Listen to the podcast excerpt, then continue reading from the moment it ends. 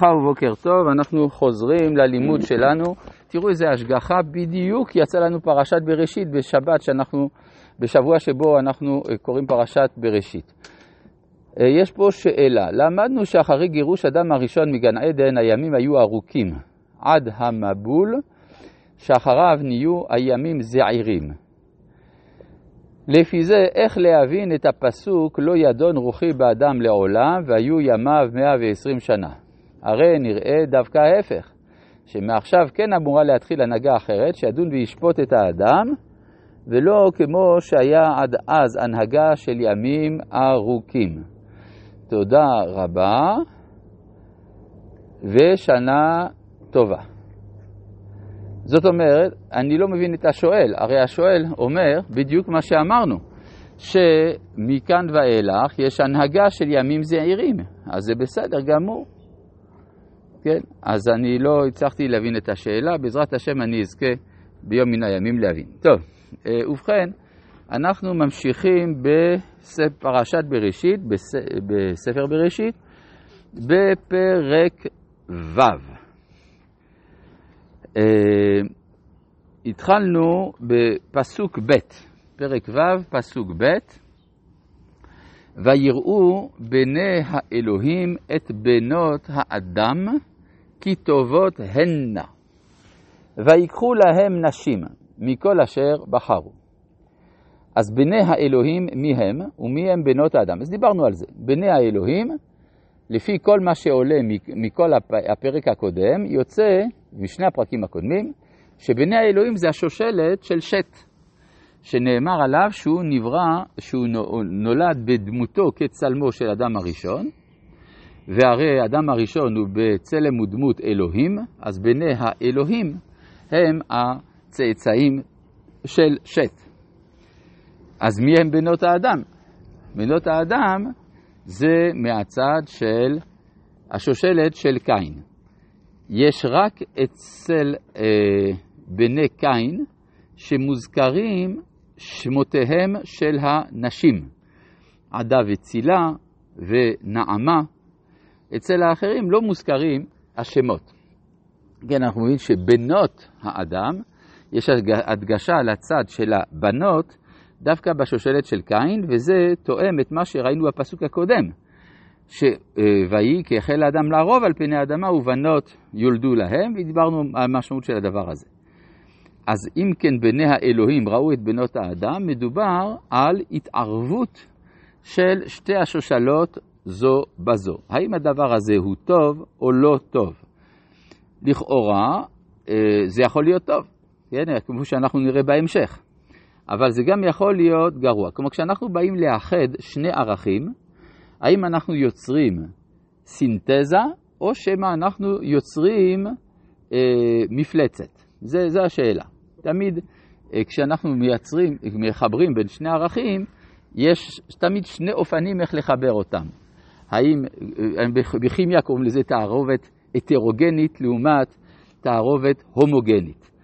אז יש, אה, פה התורה מתארת לפנינו את שני האופנים, גם האופן השלילי וגם האופן החיובי.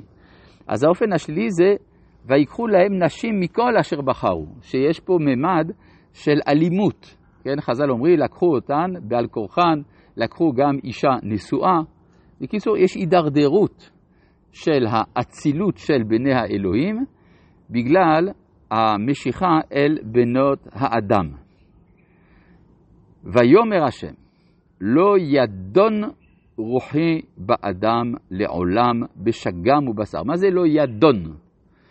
לא ידון, הכוונה לא ימתין. לא ימתין, המתנה. כן? זה מלשון נדן.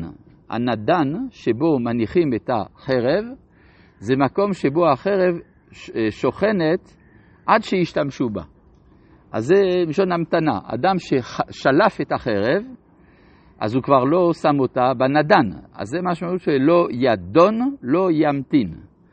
כן? לא מלשון לדון, כי אז היה צריך להיות בשורוק. לא ידון רוחי באדם לעולם, רוחי הכוונה רצוני. כן, רוח זה אחד הכינויים, אחת המשמעויות של המילה רוח זה רצון. באדם לעולם. בשגם הוא בשר, במיוחד שהרי הוא בשר, ולכן החולשה שלו, אם כבר החל בחולשה, החולשה תלך ותגבר. והיו ימיו 120 שנה. לכן נותרו לו 120 שנה עד השלמת, ה, עד השלמת המשפט של האדם, ומכאן ואילך כבר לא תינתן יותר הזדמנות. אז אנחנו דיברנו על כך שבשגם, חז"ל אמרו, בשגם גמטריה משה, וזה המקור למשה בתורה. קצת מוזר, כן? כי הרי משה מוזכר בעוד מקומות, אבל המשמעות היא שצריך להציל את המצב. מצפים למישהו שיציל. מי יכול להציל? משה. משה, אם כן, צריך להיות במבול. הוא נמצא במבול, אבל נבלע במבול, הוא בתוך המים. כן? על זה אמרה אה, בת פרעה, כי מן המים, או יוכבד, תלוי, כי מן המים משיתיהו. זאת אומרת שמי שהיה בלוע בתוך המים, יצא מן המים, ויכול היה להושיע במצרים, ולא הושיע בדור המבול. והיו ימיו 120 שנה, זה כשנות חייו של משה. מסביר המהר"ל מפראג, האויב של משה זה המים. לכן הוא לוקה על המים, ולכן הוא צריך להינצל מן המים, זה הטבע שבתוכה הוא נמצא על פני היאור.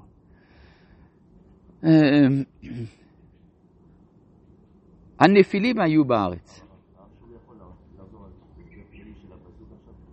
ההסבר כללי של הפסוק, פשוט. ויאמר השם לא ידון רוחי באדם לעולם, כלומר אני לא אמתין עד אינסוף, אלא יהיה משפט, בשגם ובשר, במיוחד בשל העובדה שהוא עשוי מבשר, כלומר חלש, ואם החלה החולשה אין סיבה שהיא תיפסק, ולכן תינתן לו אורכה ל-120 שנה, לראות אם יש אפשרות של תיקון או לא. נכון. עכשיו, זה, יש להניח שהקדוש ברוך הוא שלח נביאים לומר את זה.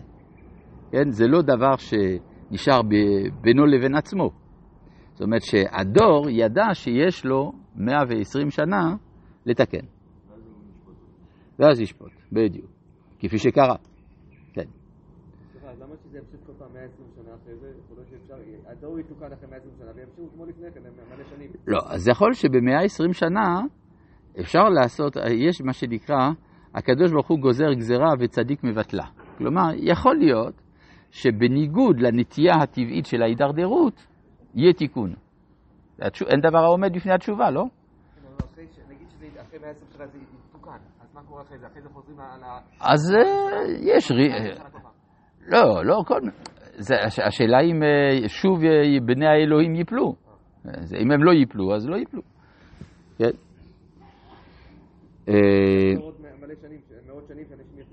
כן, לא, זה לא קשור לאורך החיים של האדם. לא, לא, לא מדובר. מדובר על, על הזמן ההיסטורי שבו התיקון הזה יכול להיעשות. כן. הנפילים היו בארץ. אגב, מה שלא כך ברור, למה דווקא 120 שנה? למה לא זמן אחר? כן. כן, כי גיל 20 זה הגיל של האדם השלם. כן? יש אפילו מדרש שאומר שאדם וחווה היו בני 20. ויש 100 שנה כדי אה, להצליח את החיים, משימת החיים. משימת החיים דורשת 100 שנה, כי בכל גיל וגיל אדם קונה מעלה אחרת. אז אה, בין, בין 20 אה, לרדוף, אה, בין 30 לכוח, בין 40 לבינה וכולי וכולי. ורק אחרי 100 שנה, אחרי ה-20 שנה, אפשר לבדוק האם החיים האלה היו שווים או לא שווים. כן. טוב, הנפילים היו בארץ בימים ההם. מי זה הנפילים האלה שהיו בארץ? וגם אחרי כן, כן, אז נפילים מלשון או נפל, או מלשון כובשים, ותיפול שבה ותיקחם. מה זה ותיפול? שהיא כבשה. אז מדובר על אנשים בעלי מעלה עצומה נדבר בהמשך. רבי